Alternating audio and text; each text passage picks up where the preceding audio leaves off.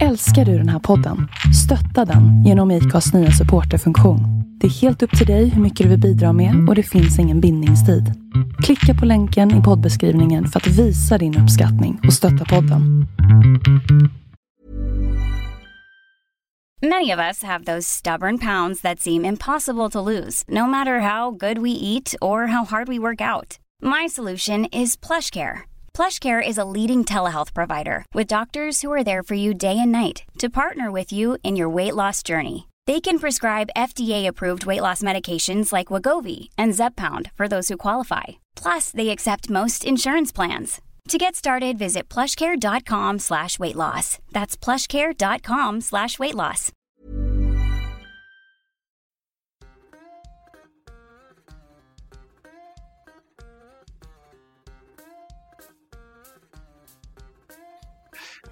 Hej! Hallå? Hur mår du då? Eh, trött. Ja, Av någon anledning vaknade jag två i natt. ja vad spännande. Ja, så jag varit igång sedan dess. Jag har börjat spela in bara så du vet. Ja, ja. Eh, Men det här är ju en samtalspodd, så vi samtal... Alltså så här, du är så häftig Robban, så det finns så många olika saker att prata eh, med dig om. Så jag vet inte riktigt var vi ska börja. Jag har två A4-sidor med grejer jag undrar om. Oj! Ja. Och så är det så skönt för du, du, du är så här semi-ödmjukt så du vet inte riktigt. Du, du, du, du låtsas att du inte vet om att du är häftig och det tycker jag är bra. ja, vi får väl se. Det är så många andra som går omkring och låtsas att de är häftiga fast de inte är det. Ja, det ligger något i det. När du presenterar dig för folk, vad säger du då? Oj! Det beror nog på vilket sammanhang. Såklart. det är en golf, golftävling, för såna, det var ju så vi träffades. Ja, nej men då presenterar jag nog ehm, att um, Falubo, egenföretagare och ehm, har en stor familj. Ja, det, det är väl, det är väl, Ja, eh, det är väl bra. När man, när man säger eh, egen företagare Ja. så tror ju folk att säga, ja men han har en, en eh, målerifirma. ja, Eh, du har ett assistansbolag som omsätter nästan 150 miljoner kronor. ja det stämmer. Det är ju mer än en liten målerifirma. Ja, och det blev så. Eh, Fantasin var nog lite betydligt lägre än så när vi startade. Eh, Jag hade nog inte en tanke på att det skulle kunna bli så stort. Jag tror inte jag önskade det heller faktiskt i början. Berätta hur det startade. Ehm, jag jobbade i branschen tillsammans med eh, två stycken eh, mycket trevliga kollegor och kände att vi skulle kanske kunna göra det annorlunda. Mm. Ehm, Det började egentligen med att jag... Nej, det är så här. Trivs du på en arbetsplats så stannar du kvar. Trivs du inte så måste du ta ansvar för det och försöka göra någonting åt, åt det. Då. Och märker man att det inte går att göra någonting åt det, då måste man ju ta sig därifrån.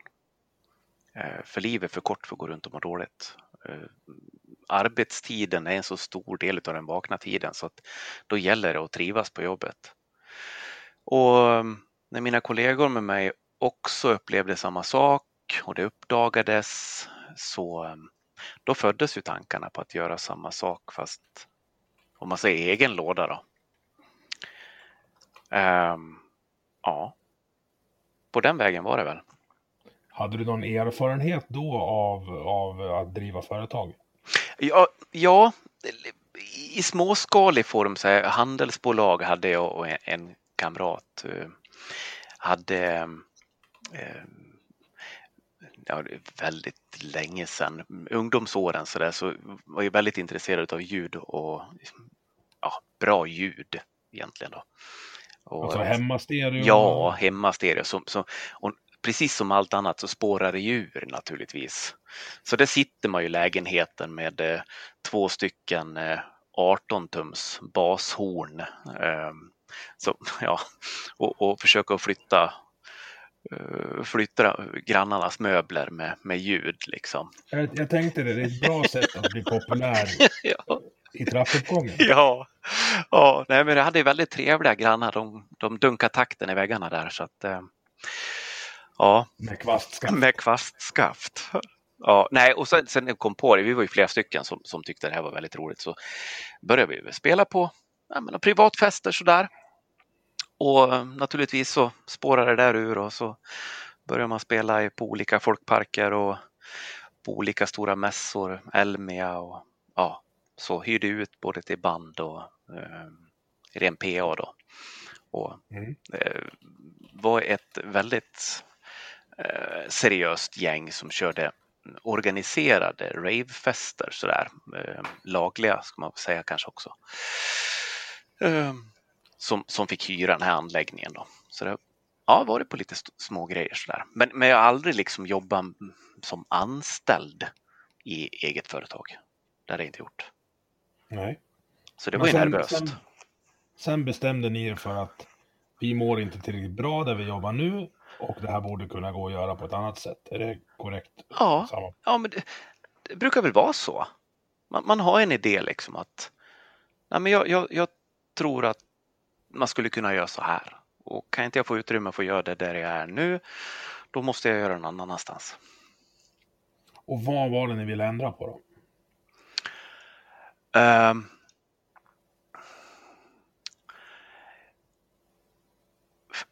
jag tror att det var någonting som, det bottnar i magkänsla.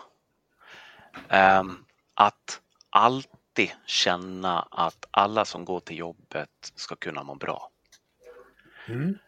Um, det tror jag är väldigt, väldigt, var väldigt, väldigt viktigt för oss. Så det var och, kanske mer arbetsgivardelen än utförandedelen som ni ville ändra på? Ja, det, det skulle jag nog säga att det var. Um, för, för det, det fanns väldigt bra saker också. Så var det. Men eh, nej, alltså jag tror nog att det var, var en magkänsla och om man, man kunde styra det själv så satt upp en väldigt tydlig plan så där att tanke, ord och handling alltid skulle stämma överens nej, i det vi gör. Och, och... Det låter ju eh, som en självklarhet.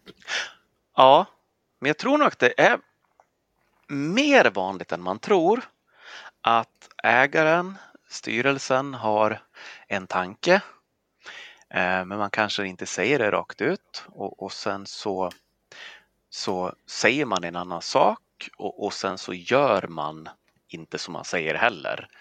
Eh, tydligt bevis på det är väl framförallt flera politiker idag och tjänstemän du, jag tänkte vi skulle prata politik på slutet. Ja. det är så jävla spännande. Ja, men, men, det, där, så det, det gäller liksom, det, där, där tänkte jag att det var så fundamentalt att tanke, ord och handling i företaget skulle alltid stämma överens.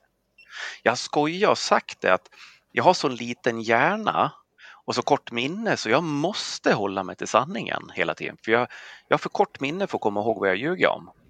Mm. Um, och då är det lika bra att hålla sig till sanningen. Och, och, och att om, om tanke, ord och handling stämmer överens i allt du gör, då blir det mindre missförstånd. Det är min upplevelse. Ja, det, det är um, och, och, folk går inte runt och mår dåligt och undrar över grejer utan, um, utan det, det, blir, det blir mer transparens i det man gör. Vi hade Jörgen Bond på besök här förra säsongen. Han pratade bland annat om att när han är ute och uh, kör uh, inte teambuilding, utan någon slags genomlysning av ledningsgrupper på företag i er storlek och större. Ja. Så brukar han be folk att skriva ner, styrelsen och ledningsgruppen, varför finns det här företaget? Mm. Och det har aldrig hänt att två personer har skrivit samma sak. Nej. Det låter för mig helt bisarrt, men då finns det ju ett tydlighetsproblem där. Ja, skulle jag säga. Och, och, samtidigt vet jag inte vad min styrelse skulle säga.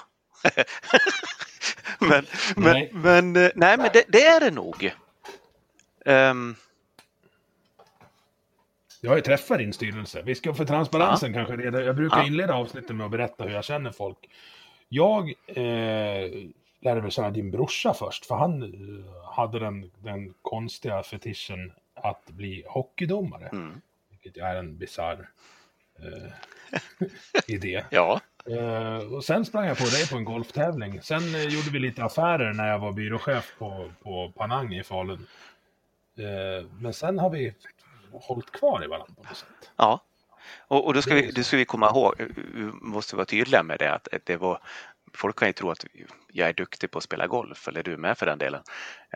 Det här är ju så här affärsgolf, Ja. amatör, så man behöver inte ha I bästa fall amatör. Ja, jag har inte ens grönt kort. Så jag törs inte skaffa grönt kort för jag tror att det skulle nog ta upp lite för mycket av min tid då. kommer vi tillbaka till en sak som jag har noterat att du har sagt tre gånger på de Ja. första tio minuterna. Ja. Och det är naturligtvis så spårar det ur. Det har ju en tendens att göra det. Ja, men vem fan vill vara vanlig då? Nej, alltså. Jag, jag hade en jättespännande högstadielärare som, eh, jag vet inte om han tröttnade på oss sådär när vi gick ut nian, men eh, han, han tog med sig hela sin familj och så seglade han, eh, seglade han jorden runt. Eh, och han, han sa alltid att bo, världen var som en, som en bok och han hade för avsikt att läsa så många sidor som möjligt i den här boken. Då. Mm. Och det, det brukar jag tänka på titt som tätt att livet är för kort för att säga nej till saker, att, att missa grejer, att inte, a- a- att inte våga misslyckas. Mm. Eh, för att jag vill, jag vill uppleva så mycket det går. Det gäller att balansera det här också. Det kan ju bli Mm. den här fear of missing out-grejen också, att man tackar ja till allting Mm, och därmed inte hinner med något. mm. Så är det. Vi ska gå igenom eh, dina andra urspårningar här, Mm. när, vi, när vi har kommit en bit in. Men vi, vi håller kvar vid assistansbranschen. Eh, hur mår den? Eh, Just nu ligger det ju en, en blöt filt över hela, eh, hela handikapppolitiken. Eh, och eh, det har väl varit på gång länge. Eh, man ser lite ljusningar men det finns fortfarande väldigt, väldigt mycket rädslor. Eh, den mår inte alls bra. Eh, där är det ju ett tydligt tecken på att tanke, ord och handling inte verkar stämma överens. Ehm, det har ehm, lagen kom, om lagen om personlig assistans då, om vi pratar om den eller SES-lagstiftningen, så kom ju den 1994 och här är vi ju revolutionerande i Sverige. Vi är först i världen. Eh, man bestämde sig ju tidigt i Sverige att, ehm, att det här med vi hållit på med tidigare då, institutioner, ehm, det var inte, det var inte sunt. Det var inte nyttigt för folk, varken för de som bodde på institution eller för de anhöriga. Då. Eh, Mm. Så man beslutade sig för att stänga ner alla institutioner. Eh, Jag skulle vilja jämföra det med en, eh, en jämställdhetslagstiftning. Eh, Kanske en av Sveriges absolut viktigaste efter kvinnlig, eh, kvinnlig rösträtt. Därför att man, man tänker på alla personer med, med svår funktionsnedsättning Eh, så är det oftast historiskt sett och tittar man utomlands så, så blir det oftast kvinnorna som, som får ta den största bördan hemma. Mm. Ehm, och I många fall har det varit mammor eh, eller ja, hustrur då som eh, har fått tag i den här bördan. Ska man ha en chans att kunna vara hemma så, så ehm, ja, då, då har det varit kvinnan i hushållet som, som har gått hem. Ehm, och det har ju liksom inte funnits något, något stöd där, något, ett vettigt stöd att få för att klara av det där. Så att väldigt många kvinnor som har varit i den situationen Eh, tidigare 90-tal då börjar ju bli pensionärer nu och de- har ju liksom inte tjänat in någon pension. Så för dem blir det ju oerhört svårt just nu. Så tanken var ju att alla personer med svår funktionsnedsättning skulle få möjlighet för att få, få leva som, som många andra. Eh, så ska vi säga så normalt som möjligt med eget boende och, och då skulle man behöva någon typ av hjälp då. Eh, Mm. X antal timmar per dygn. Och, eh, och, och då kan ju då föräldrar till, till barn med svåra funktionsnedsättningar kanske fortsätta att arbeta med det som, som de en gång var utbildade till eller fortsätta med den yrkesbana de var inne på. Ehm, eller frun kan till en man som, som, eh, som kanske har varit med om en stroke skulle kunna fortsätta att arbeta. Um, och, och, och sen tar man då in utbildade, duktiga personliga assistenter istället. Um, så att det, det, var väl liksom tanken med det hela. Uh, och det här vart ju oerhört populärt när den här lagen kom 1994. Och uh, det var nog först och främst så att man tänkte sig fysiska personer med fysiska funktionsnedsättningar först. Då. Mm. Uh, men, men det där liksom trumma på. Man såg att det var fler än, än de med fysiska funktionsnedsättningar som behövde den här hjälpen. Så det vart ju fler och fler och fler hela tiden. Då. Och eh, naturligtvis... Alltså suddar, suddar ut eh, eh, gränsen mellan assistens och god man lite där då? Eller? Nej, inte, inte alls. En god man kan ju bevaka någons rätt. Då. Eh, Om man då inte kan föra sin egen talan eller ha koll på, på läget kanske så, så kanske man kan behöva en god man och den är ju tillsatt utifrån eh, ja, en kommunal insats. Då. Eh, men, men personlig assistans, då, då, tanken är ju att om, om jag, jag lever mitt liv idag och, och är jag med om en olycka som gör att jag inte kan ta hand om mig själv så kanske jag skulle kunna få rätten till personlig assistans och med hjälp av mina personliga assistenter skulle jag kanske då kunna fortsätta och kunna leva mitt liv så likt det jag gör idag.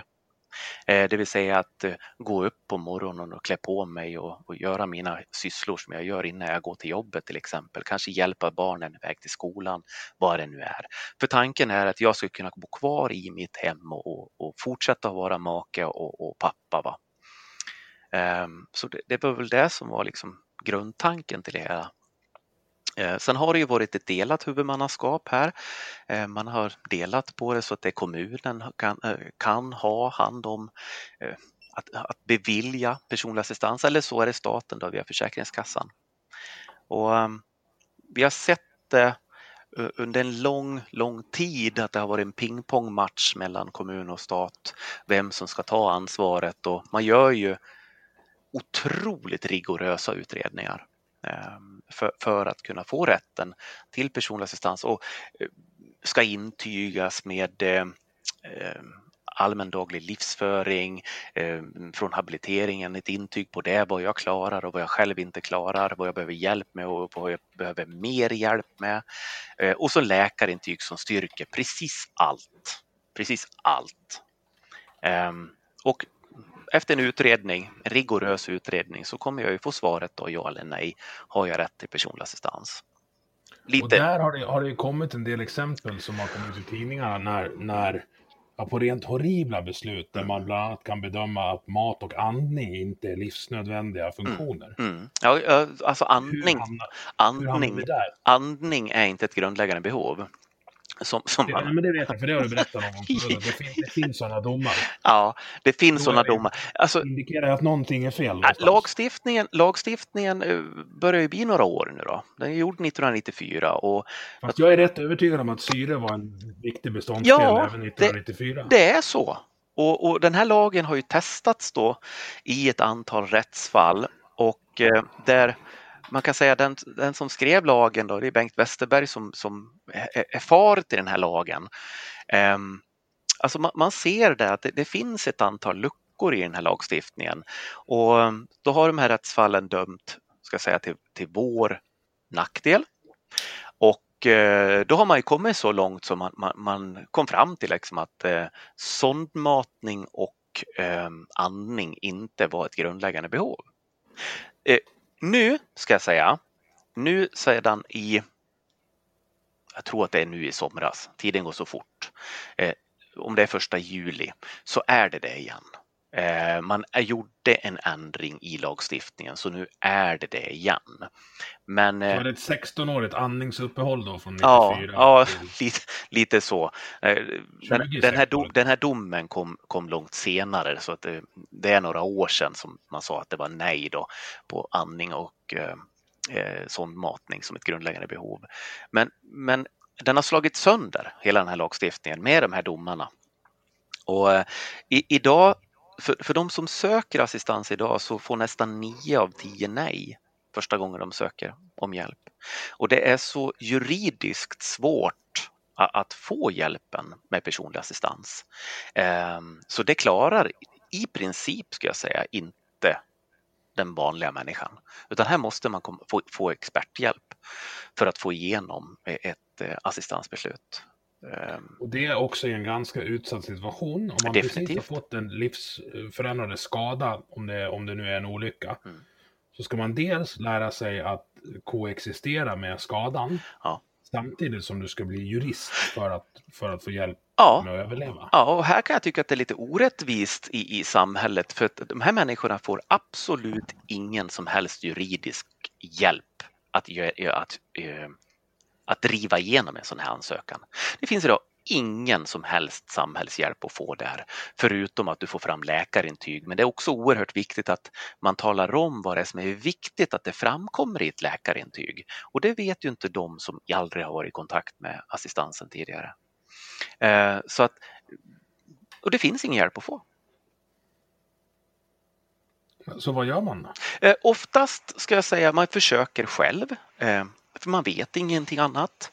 Man kan, eh, det finns ett antal då eh, advokatbyråer som har specialiserat sig på det här men det ska vi komma ihåg att de tar ju ut ett timarvode som, som gör att en vanlig människan har ju inte råd med det.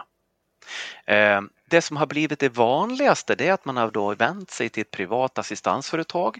Det finns ju ett antal, jag tror att det är närmare 500 eh, aktiva, eh, kan vara 800 i Sverige, som,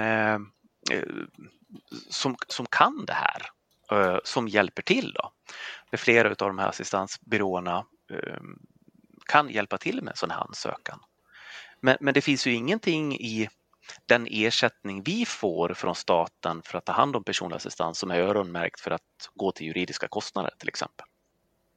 Så det är ju egentligen... Hamnar skulle... man där så måste ju, måste ju då de privata aktörerna få något, någon slags täckning för det andra sidan. Ja, ja men det, det, fin det finns. I min värld så låter det som att det öppnar upp för, för en, en viss andel, eh, kanske inte riktigt, eller en viss andel ljusskygga eh, entreprenörer. Ja, men låt säga om, om om jag skulle eh, jobba för egen sak till exempel. Att eh, jag kanske inte har samvete eh, att eh, ehm, så, så, att jag kanske skulle kunna hitta på en egen sanning. För de här människorna blir ju ganska enkelt att dribbla bort initialt eftersom de kan, de kan ju inte lagstiftningen. Du tänker alltså de... Eh, de som söker om assistans. Ja. Och de kan inte lagstiftningen och man utgår ifrån att jag kan den. Jag skulle i princip kunna säga vad som helst då, till exempel. Du, kan, du skulle kunna coacha dem i vad de ska säga? Ja, ja. så skulle man kunna tänka sig då. Ehm, och eh, nu så är ju både Försäkringskassan och kommunen så oerhört kompetenta att de skulle kunna se igenom det här om det inte stämmer och får vi ett läkarintyg som inte det stämmer på heller. Men eh, lek med tanken att jag skulle kunna bara jobba för egen vinnings skull i det här. Så eh, ja, då, då kanske jag skulle kunna hitta på någonting. Ehm, och det här jag menar någonstans att här skulle då regionerna alternativt, jag har svårt att se att kommunerna skulle kunna klara av att hantera den här situationen själv, men, men som säger regionerna skulle kunna eh, gå in med juridiskt stöd. Det vill säga att regionen har en handikappombudsman som är jurist som kan de här sakerna utan och innan, som blir oberoende då till exempel, som skulle kunna guida och vägleda dem i en assistansansökan. Eh, skulle man då få ned, eh, avslag så, så är det de som hjälper till att jobba med eh, överklagningar till exempel. För det kan aldrig vara grundtanken att personliga assistansföretagen skulle syssla med det här överhuvudtaget. Men tyvärr har det blivit så, för det är den enda hjälpen de kan få. Om de inte klarar av att göra det själv. Men det är väldigt ovanligt. Men vad, vad händer med de här människorna då? De som inte klarar av det? Då finns det ju andra alternativ än personlig assistans. Och då finns det ju särskilda boenden eller du kanske då eh, en anhörig får gå hem och du kanske får någon ledsagarservice i bästa fall men det är oftast anhöriga som får komma och dra det tyngsta lasset. om inte man blir flyttad till något särskilt boende då. Eh, men de här särskilda boendena de växer ju upp som svampar i marken nu. Eh, hörde en siffra för två, tre månader sedan att det saknas ungefär 14 eller 1500 platser i hela Sverige som har rätt till ett särskilt boende men eh, kommunerna har ingen plats att erbjuda. Så det börjar ploppa upp sådana här särskilda boenden överallt nu. Eh, så man styr av, man styr om. Eh, de nekas personlig assistans, det beslut de har tas bort. Eh, det börjar byggas särskilda barnboenden eh, med barn som har stora hjälpbehov. De blir nekade personlig assistans och är erbjudna ett särskilt barnboende istället. Behöver det nödvändigtvis vara någonting negativt? Det? Att, de, att, man, att man kan samla ihop folk? Nej, det gör det inte förutsatt att man kan få välja. Ja. Om jag då valt personlig assistans blir nekad till det och sen blir placerad på ett särskilt boende istället, så då kan jag inte tycka att det är särskilt bra. Men i de fall där jag kanske då känner så att nej men okej, okay, eh, det, det, är min fulla övertygelse ska jag säga att i grunden så vill både föräldrar och barn bo med varandra. Ja, det, eh, det, det, finns, det finns det, det, finns naturligtvis avarter av föräldrar också som, som aldrig borde ha varit föräldrar såklart. Men om vi, om vi bortser från dem eh, så tror jag att eh, barnet skulle i de flesta fall eh, må bäst av att bo tillsammans med sina föräldrar. Men om inte föräldrarna orkar på grund av svåra funktionsnedsättningar eh, då har jag svårt att se att ett särskilt boende skulle vara det bästa alternativet. I något fall, i något fall ja, säkert. Ehm, I, vuxna, eh, i, i vuxenvärlden så kan jag tänka mig att man kan faktiskt ha roligt ihop om man bor sex stycken relativt likasinnade i, i någon slags gemensamhetsboenden. Det tror jag. Ja, men det var det, det, var det jag tänkte också. Absolut. Du får, en, du får ju, om man ska kolla på, på Mitt socialt. skattepengars effektivitet också så får du en del stordriftsfördelar. Man kan tro det, men det finns flera forskningar som säger att särskilda boenden är mer kostsamma per timme än personlig assistans. Ja, du ser. Ja. Då hade jag fel igen. Ja. Det är så kul att prata med någon som vet vad han säger, vad han snackar om. Eh, en nationalekonom, väldigt erkänd sådan, Stefan de Wilder har räknat på det här och eh, han, på, han menar att personlig assistans i den form som det ser ut just nu är den absolut billigaste eh, hjälpen som man kan erbjuda och insatsen du, du kan ge.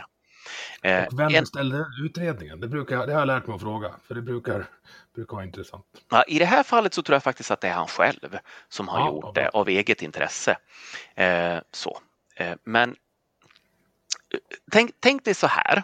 En personlig assistanstimme idag kostar 310 kronor. Vi jobbar ju inte med moms. 310 kronor per timme.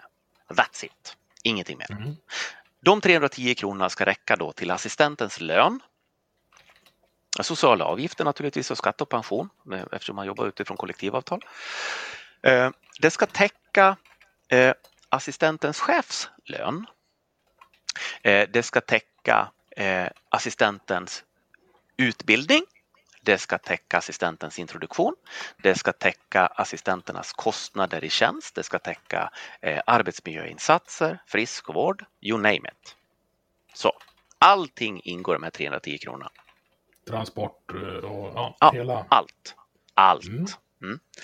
Mm. Um, och då tänker vi så här att okej, okay, för 310 kronor så får en person med en svår funktionsnedsättning hjälp att bo hemma med sin familj, eh, kanske ta sig till skolan, daglig verksamhet, ett arbete, eh, kunna fortsätta att leva sitt liv som alla andra. Eh, de andra anhöriga kan fortsätta att tuffa på och arbeta med det som de eh, egentligen är utbildade till och ska arbeta med. Eh, och dessutom så har vi då skapat ett arbetstillfälle för en personlig mm. assistent. Eh, för de här 310 kronorna. Du får ju en oerhörd samhällsnytta ur det här. Och den här, den här branschen är inte konjunkturkänslig. Så i en lågkonjunktur så är det idag 100 000 personliga assistenter som arbetar i Sverige eh, som får lön varje månad. Eh, och, och, det spelar ingen roll om det är hög eller lågkonjunktur. De har sina sysselsättningar i alla fall. De har sitt arbete i alla fall. Och eh, anhöriga kan fortsätta att arbeta med det de ska göra och betala skatt. Eh, och på den här assistentens lön så tickar det naturligtvis tillbaka till staten direkt morgonen efter i egenskap av arbetsgivaravgifter. Ehm, också skatt på det. Eh, och sen så handlar den här personen, det är ju så att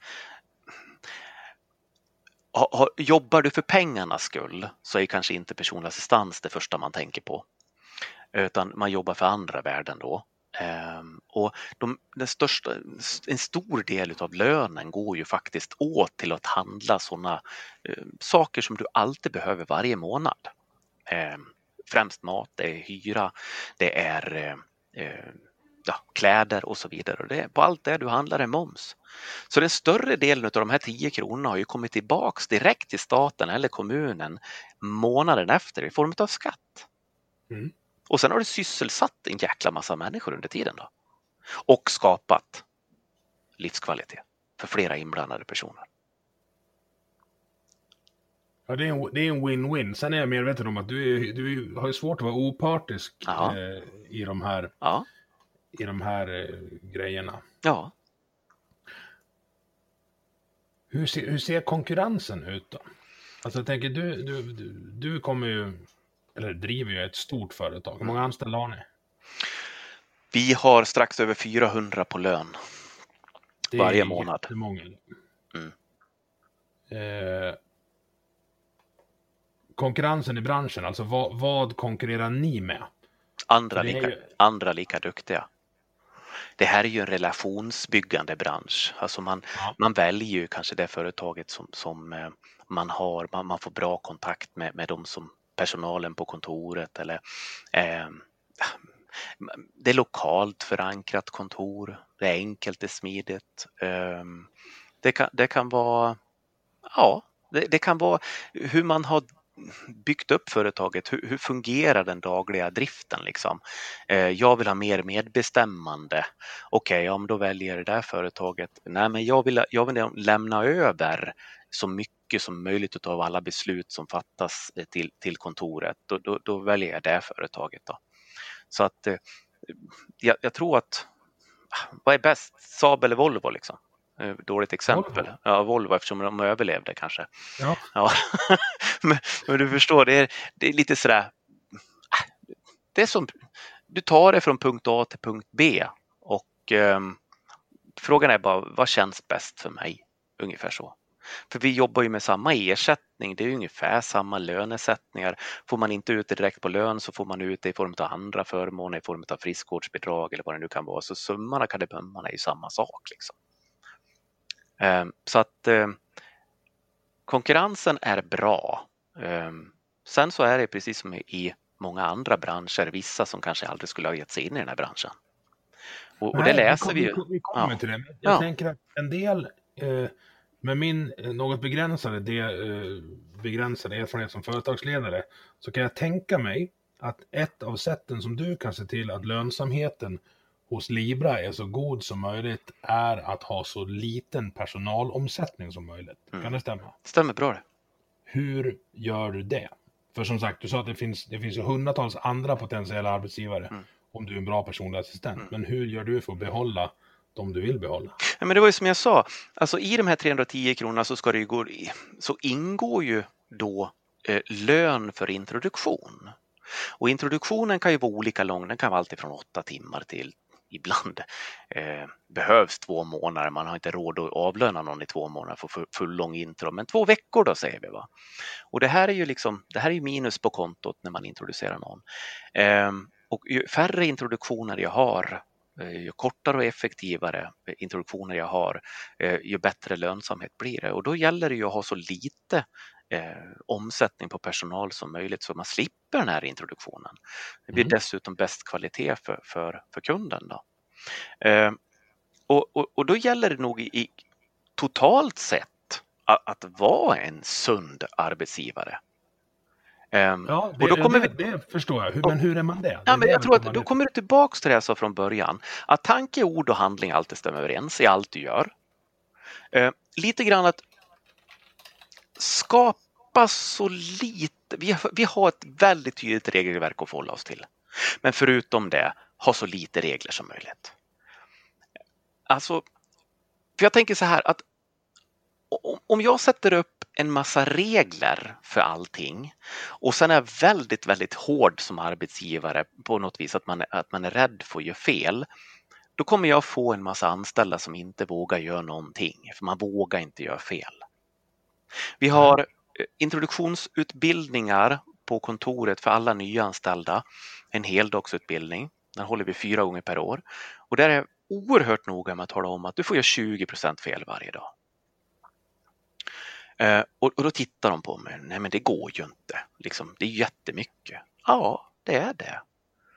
Men om jag istället signalerar att det är farligt att göra fel, då kommer du vara rädd att göra, att försöka göra rätt. Och då får du mm. ingenting gjort istället. Men att försöka få dem att förstå att här är det okej okay att när du vet, inte vet riktigt hur du ska hantera, så är vi väldigt, väldigt duktiga på att rekrytera rätt från första början och alla som vi har rekryterat har en koppling mellan hjärta och hjärna. Ehm, och använder man den, då, då, då försöker alla människor vill försöka att göra så bra man kan. Och, och vågar man försöka, då blir det rätt.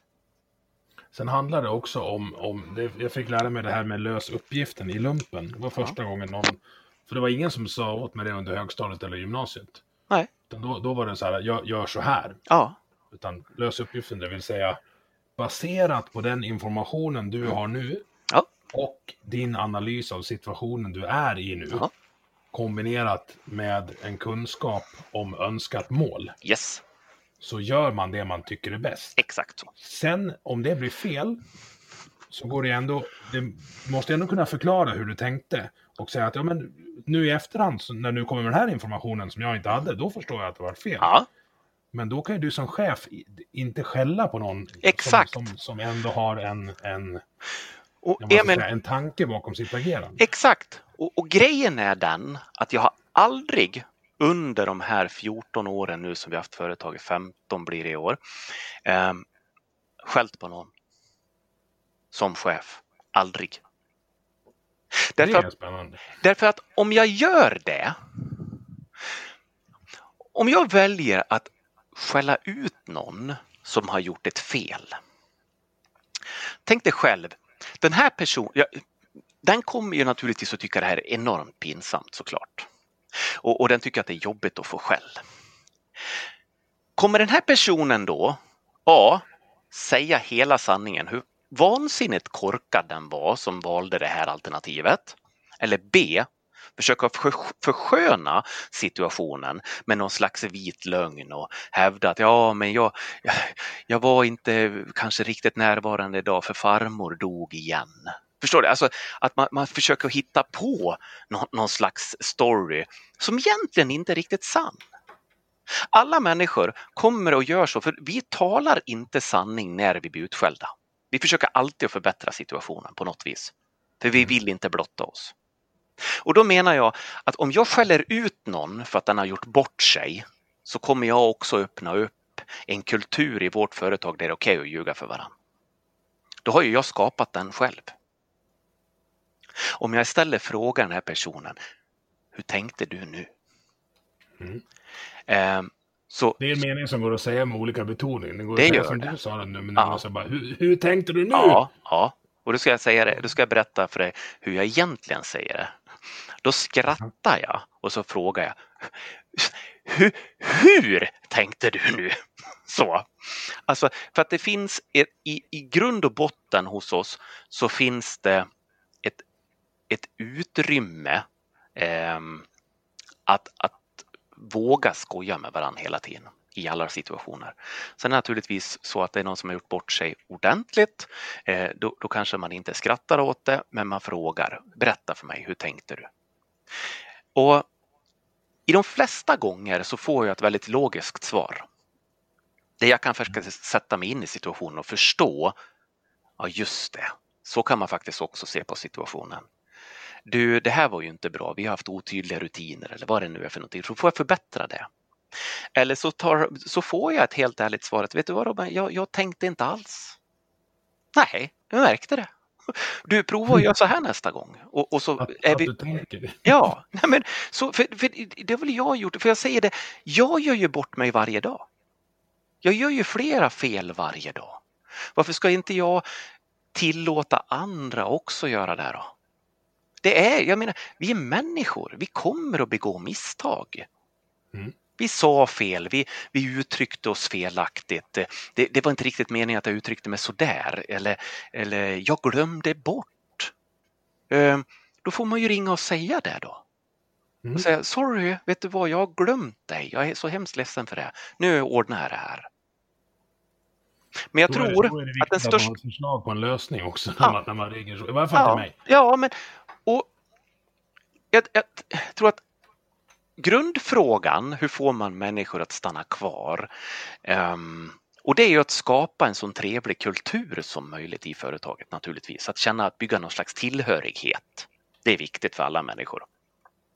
Um, och det kan ju vara både på gott och ont såklart. Det beror på vilket sammanhang det är. Men när vi startade företaget då satte vi upp en regel. Jag pratade om att vi skulle försöka ha så lite regler som möjligt, men vi började med att sätta upp en regel och den skulle vi aldrig någonsin acceptera att vi viker av från. Och det var att vi som kommer till kontoret ska aldrig komma till kontoret och vara på dåligt humör. Aldrig någon gång. Varje person som jag har intervjuat för att få en tjänst på kontoret så har jag berättat om den här regeln och talat om att det här är någonting du kan acceptera och leva efter så, så kan vi fortsätta med den här intervjun. Är det här någonting som du tycker är konstigt? Som du känner att ah, men jag har väl rätt att få vara på vilket humör jag vill. Eh, Jag kan väl inte rå för mig om jag mår dåligt en dag eller så vidare. Då är det ingen idé att vi fortsätter den här intervjun.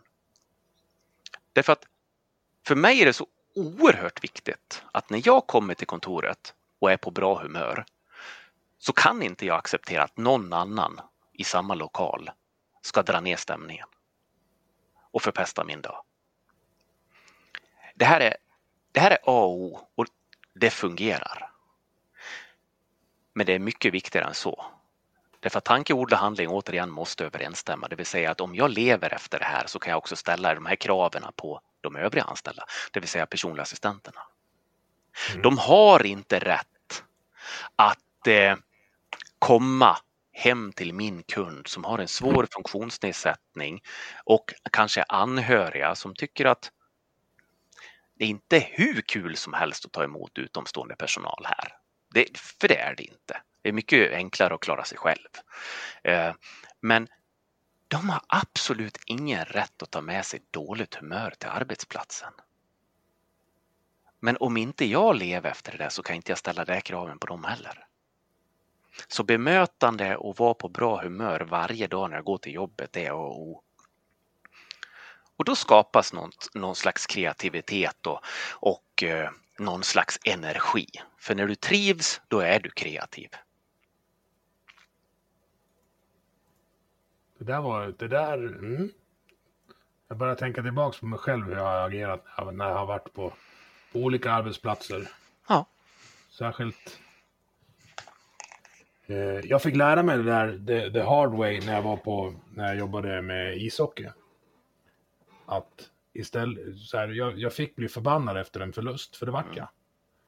Men jag fick inte vara arg morgon efter. Nej, Utan då på något sätt så fick jag lära min kropp att omvandla ilska, energin till revanschlusta. Att idag ska jag göra så att, vi, så att jag slipper förlora så jävla ofta. ja. Men det är, inte- alltså det är inte helt lätt att sätta ord på hur den processen går till. Eh, om alla bestämmer sig samtidigt i början, då är det väldigt lätt att sätta den här kulturen. Eh, det är svårt att vrida om någonting som har funkat. Så. Om, om, om någon skulle komma in nu och bestämma på kontoret att nu ska vi vara så här, då kommer det ju ta ett antal år innan man kommer in i den kulturen såklart. Ja. Men, men sätter man det här från dag ett så är det faktiskt ganska enkelt. Men jag tror att om alla bestämmer sig för att ha samma mål samtidigt, tidigt, då går det att genomföra. Ehm, och det, det är en otrolig känsla. Jag menar, det är inte alltid jag åker till jobbet och är på bra, bra humör. Självklart inte. Men, det, men jag har ändå bestämt mig för att när jag sätter höger fot innanför tröskeln, då ska ingen märka det här, utan då ska det, då ska det försvinna, då ska det bort. Så. Mm. Och, uh, nu tänker jag inte ens det, utan nu händer det automatiskt när man sätter högerfoten innanför tröskeln. Uh, då blir man på bra humör.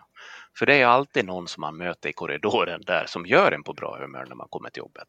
Uh, mm. skämtar med en eller vad det nu är. Så. Du pratade om tillhörigheten där också. Mm. Det var ett av de projekten jag, jag, eh, fick vara med och jobba när jag var på Panang. Vi hade den fantastiska Alvina Garpring med oss. Mm. Eh, berätta lite hur det började, för det började faktiskt innan både hon och jag var på Panang. Mm. Uh, Alvina jobbar ju på en, en annan reklambyrå längre tillbaka. Som... Det, är, det är inte SVT här så du får den. Nej, precis. Ja, men RR Reklam heter de va? Den satt uppe på regementet. Det gjorde vi också i början.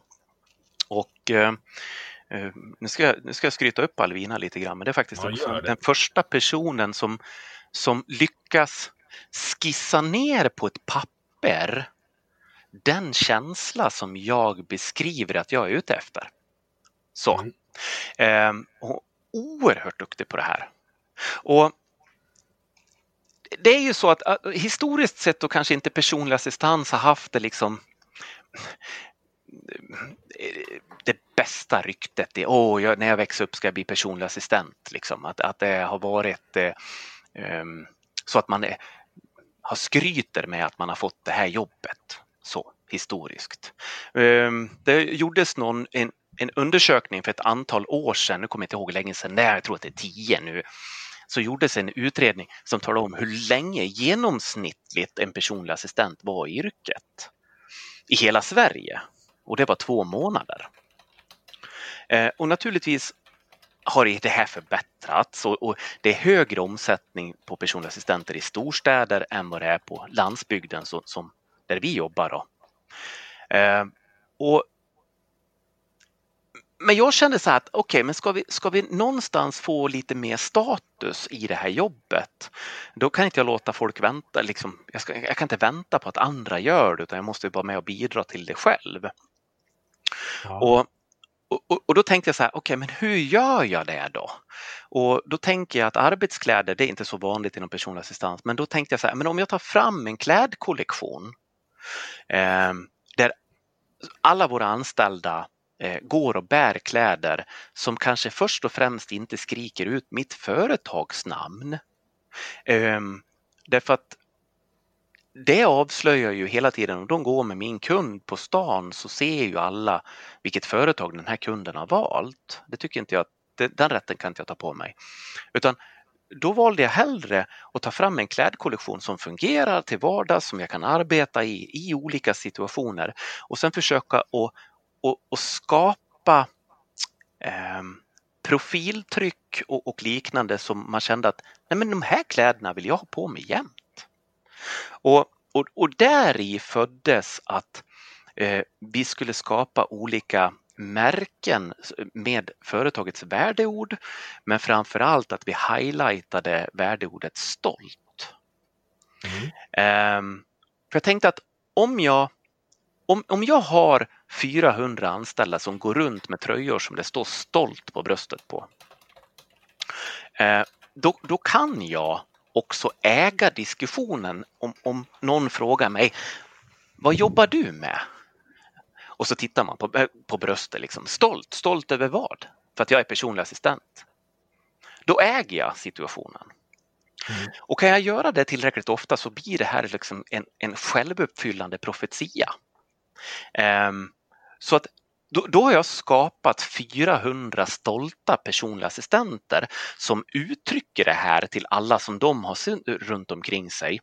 Då kan andra människor förstå att men oj, vad coolt! Eh, de där vill jag också tillhöra eller jag vill också bli personlig assistent och sen på så vis har vi någon slags det var i alla fall min, min tanke att ha någon slags hjul som sätts i rullning och sen skapar vi tillsammans eh, eh, eh, en status. Um, och, och, alla känner sig stolta över det yrkesvalet, för det ska de göra, för de gör ju världens viktigaste arbete. Mm. Men det är någon som har talat om för oss att det här liksom, ja, dels har vi ingen nationell utbildning och har man ingen utbildning för det man jobbar med, ja okej, okay, då kanske inte det är status. Eh, att, att, andra har ju, och kanske vi själva också, eh, inte tyckte att det var tillräckligt mycket med status. Men ska vi ändra det här att, att hjälpa en annan människa oavsett om det är på lasarettet eller om det är i egenskap av hemtjänst, personlig assistans eller någon som har ramlat på gatan och vi hjälper dem upp. Jag menar, det är väl det finaste du kan göra. Mm. Eller hjälpa barn. Eh, det måste bli mer status i, i de här typerna av yrkena som har varit tidigt kvinnodominerat. Eh, Medan mansdominerade yrken har mer status. Så. Det här måste vi tillsammans ändra på, för det är ingen som kommer att göra åt oss. Ser du någon, någon eh, alltså det här är ett projekt som har på flera år med din, din stolthet arbetskläder och det här. Har du märkt något resultat av det? Absolut. Eh, jag, jag, jag ser ju mina anställda som ja, men på, på, sociala medier som hashtaggar stolt assistent eller skriver stolt som hashtag när de lägger upp någon bild sådär. Och, och när jag såg det första gången då var yes, det funkar verkligen.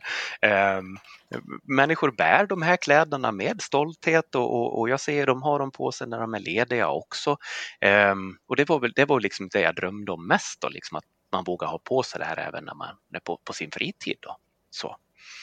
Um, så det är väl klart att jag märker det och det är egenskap av att vi har så oerhört låg sjukfrånvaro totalt sett. Vi får, får stryka över 2020 liksom för att det är ingenting som funkar med sjukfrånvaro det året. Men, men bortsett från 2020 så är det ju liksom oerhört lågt oavsett vilken bransch jag ska mäta mig med.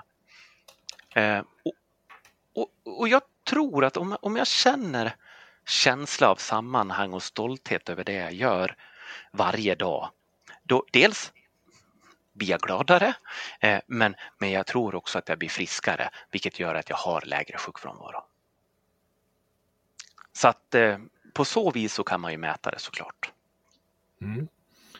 En, av de, en av de sakerna jag, jag eh, har antecknat här inför, det, det tangerar det du pratar om nu. Just det här att Eh, du sa tidigare att vissa kanske inte borde vara i den här branschen. Jag upplever när man träffar folk som jobbar som personlig assistent att det finns två sorter. Mm. Det finns de som, som är stolt, mm. oavsett om de jobbar på Libra eller någon annan, alltså som, som ser sin roll i just det du beskriver. Mm. Men sen finns det några som har haft det som sista utväg och inte, inte, inte nöjda alls med där de är. Nej. Och jag anser mig vara en så, så pass väl männi bra människokännare, så att jag har 80% hitrate när, när jag frågar och de berätt, berättar vad de gör. Mm. Hur gör du som, som eh, ytterst ansvarig på Libra när du identifierar någon som att vänta nu, den här människan borde nog, eller kanske är direkt olämplig om vi ska, om vi ska dra det till extremen? Eller är du så bra på att rekrytera så du slipper, du slipper dem? Nej, men det är väl klart att man, man gör ju bort sig även där. Eh, så är det ju. När man, om, när man rekryterar så pass många människor så blir det ju ibland kanske inte som man hade tänkt sig, om jag säger så. Eh, att, att vara så pass ärlig och tala om att vet du vad, jag tycker inte att du fungerar. Eh, fråga först naturligtvis, trivs du på ditt arbete? Och då får man ju svaret ja såklart. Eh, och då frågar man igen, på riktigt, trivs du verkligen med ditt jobb eller skulle du vilja att vi tittar på någonting annat eller skulle du vilja prova någonting annat? Ja, men då kanske det dyker upp liksom andra alternativ där. Eh, men, men samtidigt, jag vet inte om är den här branschen mer utsatta för den här typen av människor eller är det faktiskt ett problem vi har rent generellt? Jag kan tänka mig på ett flertal arbetsplatser oavsett bransch som jag märker att den här personen borde inte sitta i reception. Den här personen borde inte sitta i kassan och ha med människor att göra överhuvudtaget. Den här, person, den här personen det borde inte... Miss, det är skillnad på att att felhantera mjölkliter i ICA-kassan. Absolut. Än att, än att hålla på ja. med, med, som vi pratade om tidigare, Träffar, träff, Jag har träffat dem på äldreboende, jag har träffat dem på stålverk, jag har träffat dem på lasarettet också. Um, och, och um, här, här tycker jag någonstans att, att varje människa har. Och det var där jag började lite grann i att jag har ju ett ansvar. Att är det så att inte jag trivs med det jag gör måste jag försöka göra någonting åt det och märker jag att det går inte att göra någonting åt det på den här arbetsplatsen, då måste jag ju med söka mig någon annanstans. Mm. Um, så det är min fulla övertygelse om att människor har ett ansvar. Uh, men samtidigt så är den trygga anställningen så viktig för så många. Så istället för att ta sig därifrån och våga gå ut och prova någonting annat, våga misslyckas eller äventyra en ekonomisk situation, så är det enklare att jag är kvar i det jag gör. Precis som vilken relation som helst. Och sen är jag olycklig istället där hamnar, risken finns att vi hamnar i den vanliga ideologiska diskussionen vi brukar hamna i. Där, ja. du jag, nej, men så här, om jag menar att folk, folk blir fastlåsta. Eh, alltså, så här, jag, jag tror att det finns en risk till slut att folk börjar trivas med att vantrivas. Ja, det, blir en del av det är en trygghet. Identitet. Det är en trygghet i sig att vara olycklig. Då kan jag återreferera till avsnittet med Jörgen förra, förra uh, säsongen. Att det, det, är ganska bekvämt att ställa sig själv i offerhörnet. Mm. För då frånsäger säger du dig helt plötsligt allt ansvar för situationen. Ja, exakt. Och så skyller du på alla andra istället. Ja. Då har du en dålig arbetsgivare eller då har du eh, dålig partner eller eh, dåliga lagkamrater eller släkt eller vilka det än nu är då. Mm. Mm. Mycket dagsformberoende också. Alltså, alla, ingen människa i världen borde ju ha körkort i min värld om jag är hungrig och sen när jag är i trafiken. jag brukar berätta en sån där story. Eh, en liten flicka som åkte till, till skolan med sin, sin pappa varje dag. Hon var sju år. Och eh, men, men, det var en dag där pappa var tvungen att åka på konferens. Så mamman då för en gångs skull skulle köra till skolan. Eh, och det är samma bil, det är samma tid på morgonen, det är samma väg. Och, men dottern sitter i baksätet och undrar, du mamma, vad är alla idioterna idag då? ja. Ja. Så, men de tog säkert en annan väg den där dagen. Så att, eh, det, tror, det tror inte jag. inte jag heller. Jag tror att och det säger så mycket tror jag om hur vi väljer att se på livet överlag. Eh, eller våran situation. När man förändrar hur man tittar på saker och ting så börjar saker och ting förändras. Oh ja. Eh, jag misstänker att det finns en anledning till att du är så engagerad som du är i de här frågorna, eh, Robban. När det gäller assistans och, och eh, funktionshinder. Eh, du har en son. Ja. Kan du berätta om honom? Jag har, jag, har, jag har fler, men, men, men framförallt den yngsta. Men det var inte egentligen det som gjorde att jag tog mig in i den här branschen. Um, jag har försökt analysera vad det är som har gjort att jag hamnade i den här branschen och varför vart jag engagerad överhuvudtaget. Um, jag har, jag har inte riktigt hittat mitt svar än. Du kan men, få min analys. Ja, men, men att um, men att hjälpa andra människor har alltid funnits där som, som något slags behov. Och, eh, men mitt engagemang tror jag och min förståelse för det jag gör ökade naturligtvis när, när Milton, eh, vår, vår, son, han är, han är sex och ett halvt nu, eh, vi började misstänka att det var någonting som, som var annorlunda. Eh, och annorlunda är bra. Men det var någonting som kanske avvek från, från utvecklingen och det, eh, och det visade sig att han har, han har autism och eh, men det började egentligen med att han utvecklade epilepsi. Och det är väldigt vanligt det här med epilepsi och autism, att det hänger ihop. Då. Så, eh, så när han var han var nog två år, två och ett halvt där någonstans så, så fick han sitt första epilepsianfall och, och strax därefter så, så um, gjorde vi en utredning och konstaterades att det är en, en variant av autism. Då.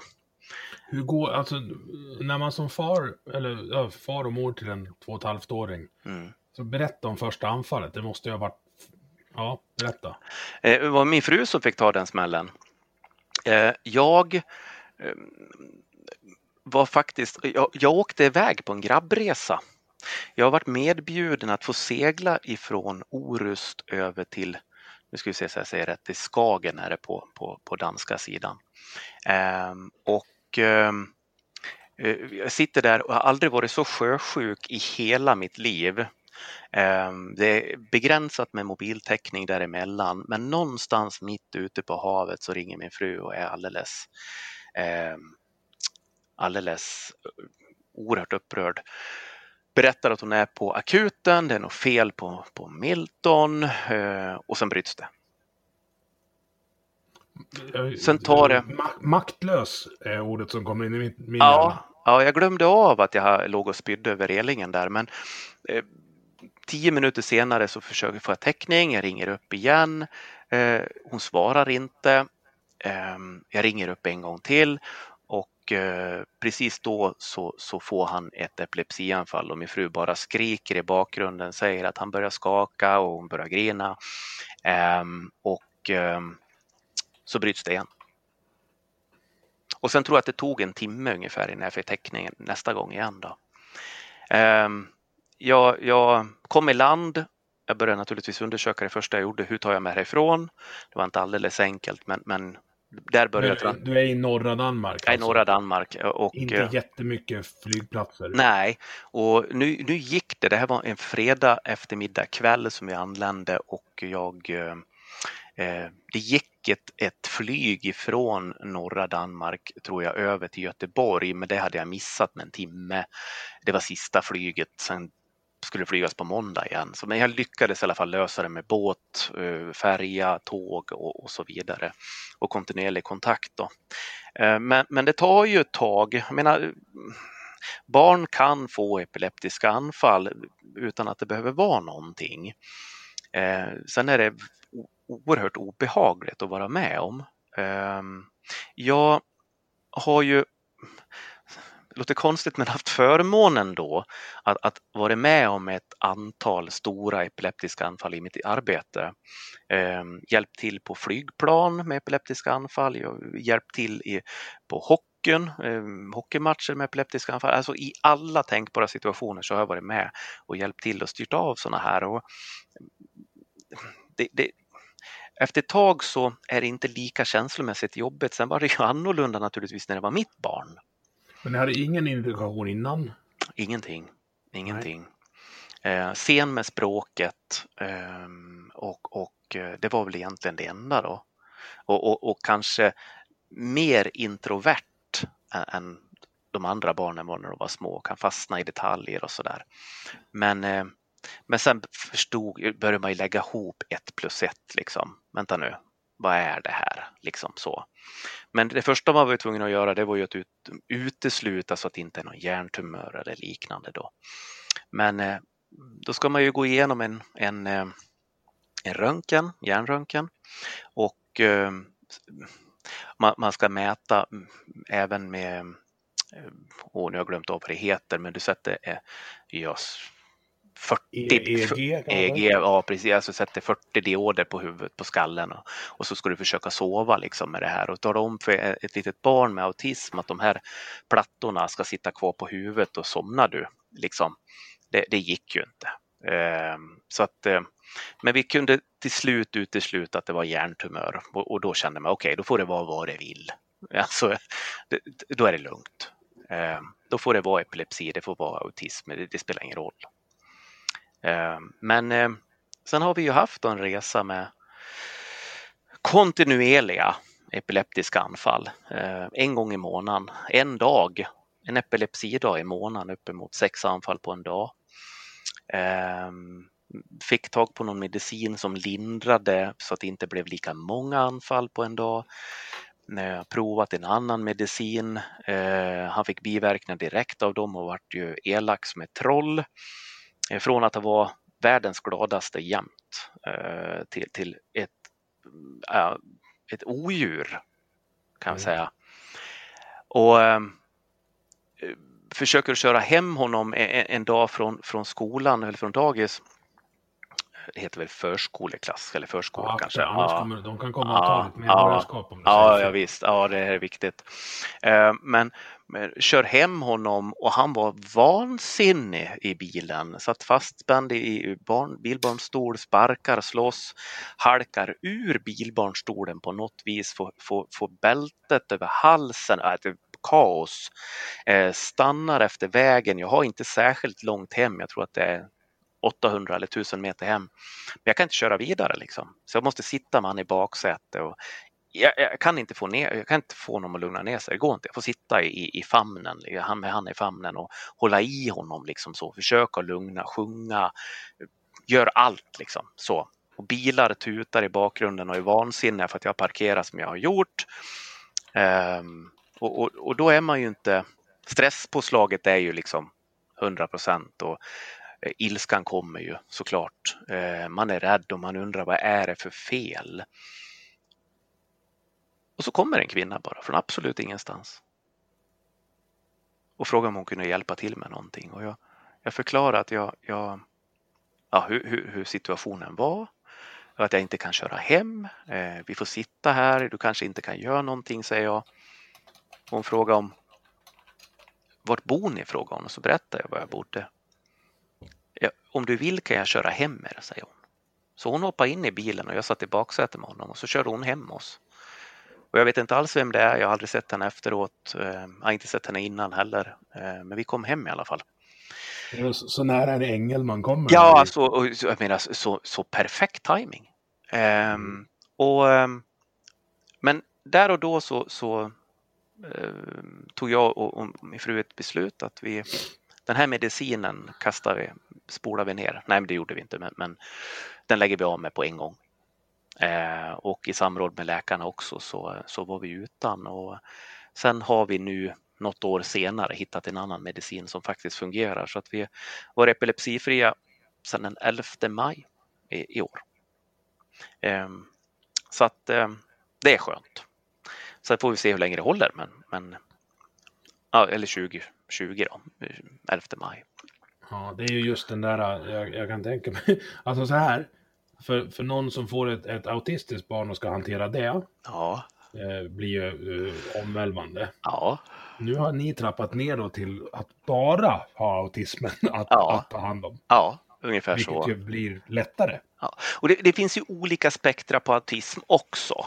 Eh, som tur är så har vi inget utåtagerande beteende i det här, åtminstone inte än. Man får se om det kommer, men, men det ser inte så ut än så länge. Eh, Puberteten kan ju bli spännande. så kan det vara. Ehm, Vi har eh, fortfarande världens gladaste. Han sjunger jämt. Ehm, Han, han springer och sjunger och, och, och drar ramsor och han hittar på massa roliga saker för sig själv och med oss. Ehm, Det som kanske är lite jobbigt, men på, på ett sätt står man ut med det bara för att han är så glad. Men, men det är ju liksom när han vaknar ett eller två på nätterna och är precis lika glad igen och tycker att nu ska vi sjunga liksom. Eh, och helst ska vi sjunga fram till klockan är sju. Ehm, och, och, och då är det ju dags att gå upp och åka till ja, förskolan eller till jobbet och sådär. Men, men då väljer han att somna. Mhm. Ja, och så sitter man där. Och där kan man inte riva upp ungarna och åka iväg och åka till jobbet. Liksom. Så det har ju varit under perioder har det ju varit fem av sju nätter är ju så här liksom. Och naturligtvis infaller ju de på vardagar. Ja. så det, det är liksom, ja. Så vi, vi har ju sovit i skift i, ja vad är det nu, fem och ett halvt år ungefär. Eh, periodvis. Sen har det varit bra i perioder och sen har det kommit tillbaka och sen är det bara vaken en gång per natt eller per vecka. Eh, men det är väldigt mycket vakennätter. Mm. Och det finns ju så mycket att upptäcka i den här världen har har han också kommit på så att då är det väl dumt att sova bort livet då. Jag vet inte. Men eh, på, på något sätt, det där kan jag ta. Bara, förhåller, bara man lär sig att förhålla sig till det liksom och planerar för det och sådär. Men, men ibland har man fått ringt eh, föräldrarna och, och, och gråta lite och, och säga att nu, nu orkar inte jag en dag till. Så får man lite hjälp med, med barnvakt. Så ja. Men det är klart att, att förståelsen för dem jag har kontakt med på vardagarna har ju, har ju ökat såklart. Eh, engagemanget för det jag gör har ju ökat såklart. Eh, och tyvärr, ska jag väl säga, så blir det mer känslor i det också. Eh, jag blir argare idag om jag ser orättvisor, eh, för jag har något att relatera till. Ehm, när man från samhällets sida vänder de här människorna som behöver vår hjälp allra mest, vänder de ryggen. Ehm, då tycker inte jag att man är ett välfärdsland längre. Då börjar jag undra liksom vad, vad, är, vad är det vi vill åstadkomma tillsammans egentligen? Så. Ehm, för ett välfärdsland det är du först om du, du ser till att de som behöver vår hjälp först får det. Mm. Eh, sen, sen det, vi... det i kombination med eh, eh, saker man ser att det gödslas med skattepengar på eh, kan ju få en att bli... Eh, jag kan tycka att i vissa fall känns det väldigt orättvist, ja. Ehm, det gör jag och det gör mig väldigt, väldigt, väldigt upprörd. Det gör mig också väldigt upprörd när jag ser ehm, vissa reportage i Uppdrag granskning, hur man beter sig mot den här typen av människor. Jag blir väldigt upprörd när jag ser att branschkollegor, eh, det finns ett fåtal som utnyttjar den här fina välfärden vi har. Eh, en liten klick som missköter sig, som gör att hela liksom tilltron till välfärdssystemet urholkas. Mm. Eh, när läkare eh, skriver falska läkarintyg eh, mot betalning. Som sagt, det, det, det, är ju, det är ju en liten promille utav allihopa, men det räcker med en mm. för, för, att du ska eh, sabba ett förtroende. Det är en så pass känslig fråga också så att jag tror att folk väljer att, att uh, självcensurera. Ja. Alltså när, när de ser något. Alltså jag vill inte Eh, eh, alltså det. Funkofob är ju typ det dummaste ordet jag vet i hela mitt liv. Ja. Men det är någonting som, som kan kastas på folk som ifrågasätter eh, sånt här fusk. Ja. Oh ja. Att bli kallad för det, jag kan tänka mig i synnerhet i din position, det hade ju varit obra. Ja, alltså alla branscher ska, ska granskas. Eh, det, det mår alla branscher bra av. Eh, men det problemet som vi har haft i branschen och från statligt håll är ju att för att försöka stävja det här så har man skaffat ett regelverk eller skapat ett regelverk och förändringar som bara drabbar de som sköter sig. Mm. Därför att de här som har för avsikt att försöka hitta andra vägar, de, de, de, de ställer inte upp på det där så de går ju sin egen väg ändå. Mm. Så att istället för att verkligen, verkligen jobba för att, eh, ta bort det där som inte fungerar. Det där går igen i så, så många verksamheter. Alltså jag skulle kunna dra det till ja. eh, Alltså någonting, supporterkulturen som jag brinner för till exempel.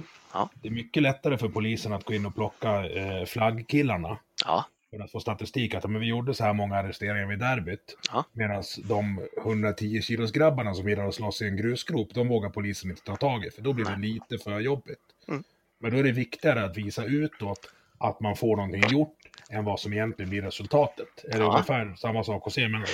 Det är ungefär samma sak och, och, och, det är det som är de åtgärderna som man också då har infört från statligt håll. Eh, eh,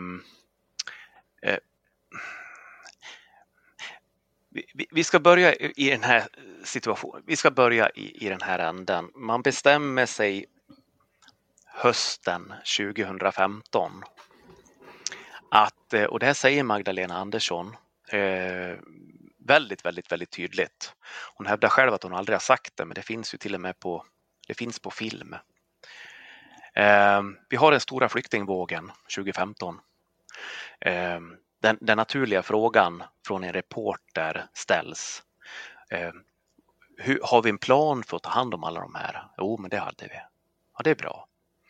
Eh, det kommer vara väldigt kostsamt det här. Ja, det kommer att kosta en hel del. Eh, följdfrågan blir, kommer vi att få räkna med en skattehöjning för att ha råd med det här? Och jag menar, det, hade man svarat ja på det, då hade man ju med största sannolikhet fått väldigt många emot sig. Men hon svarar nej. Okej, okay, hur har vi tänkt att finansiera det här? Eh, och då säger man tre förslag. Och det är då att eh, omrikta bistånd var, en punkt. Men sen även se, and, se över andra former av ersättningar som till exempel sjukersättning och assistansersättning. Mm. Det här säger man den 28 oktober 2015. I mellandagarna Ehm, 2015 så, så, ehm, så, skriver regeringen ett eh, brev till Försäkringskassan, ehm, ett regleringsbrev, där man talar om för Försäkringskassan hur de ska arbeta under 2016 och vad de ska fokusera på. Där står det ordagrant, Försäkringskassan ska bidra till att bryta utvecklingen av antalet assistanstimmar. Men hur ska man kunna göra det från Försäkringskassan? Alltså, ja. Nu blir jag arg. Alltså, det ja. är så jävla... De kan inte påverka hur många som föds funktionshindrade. Nej, det kan de inte göra. Hur ska de göra det? Ta bort 10 procent av alla? Jag menar, vad är det för lagligt stöd för att göra det? Det går ju inte.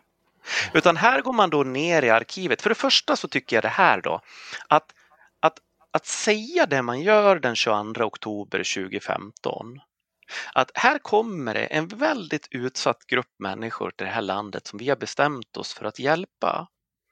Och för att hjälpa dem och ha råd med det ekonomiskt så ska vi ta av andra människor som är av en utsatt, extremt utsatt grupp.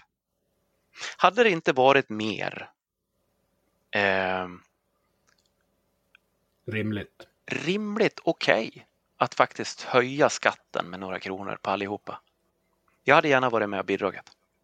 Eh, men då hellre då välja, och vi har ju sett hur det har varit med sjukersättningen sedan 2016. Hur många det är som har blivit utförsäkrade sedan dess. Så de var ju också oerhört drabbade. En, en, en, en liten grupp människor som, som har det så oerhört jobbigt att ens kliva upp på morgonen om de ens kliver upp. Eh, hur ska de orka ställa sig upp och skrika ni rör inte min sjukersättning?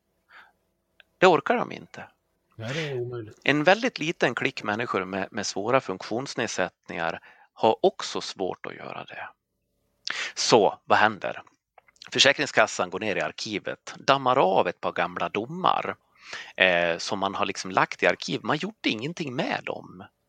Men under 2016 börjar man, eh, börjar man tillämpa ett helt annat synsätt på bedömningar.